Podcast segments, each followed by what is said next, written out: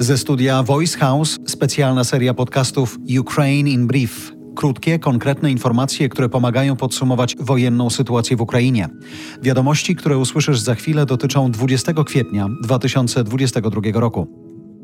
Nasi wrogowie pomyślą dwa razy, zanim nas zaatakują, grzmi Putin, ciesząc się z testów nowej rakiety. Międzykontynentalna rakieta Sarmat to pocisk, którego nie można porównać do żadnej analogicznej broni w innych krajach, mówi Putin. Zdewastowane portowe miasto Mariupol, symbol tej wojny, może przejść w ręce Rosjan w ciągu godzin, podają ukraińskie władze.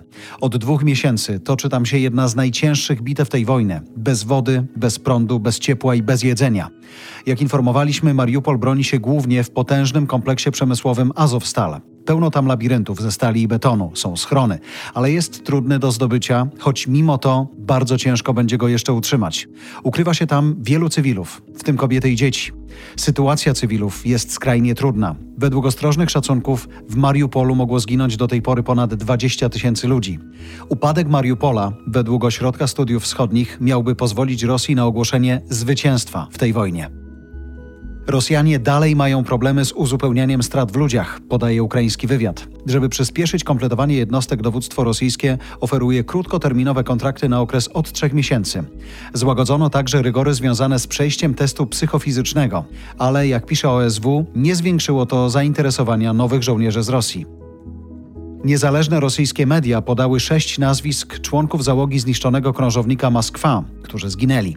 O zaginięciu kolejnych kilku poborowych poinformowały w sieciach społecznościowych ich rodziny. Według OSW Ministerstwo Obrony Rosji nie uznaje strat i utrzymuje, że uratowano całą załogę okrętu. Ponad milion Ukraińców wróciło do swojego kraju od początku rosyjskiej inwazji. To najnowsze dane ukraińskiej Straży Granicznej. Niemcy zapowiadają koniec z importem rosyjskiej ropy. Oficjalny termin koniec tego roku. Szefowa niemieckiego MSZ mówiła na konferencji w Rydze także o pomocy wojskowej Niemiec dla Ukrainy. Rakiety przeciwpancerne, Stingery i inne rzeczy, o których do tej pory nie mówiliśmy publicznie. Niemcy są bardzo krytykowani za to, że ich pomoc wojskowa dla Ukrainy nie jest, mówiąc czule, wystarczająca.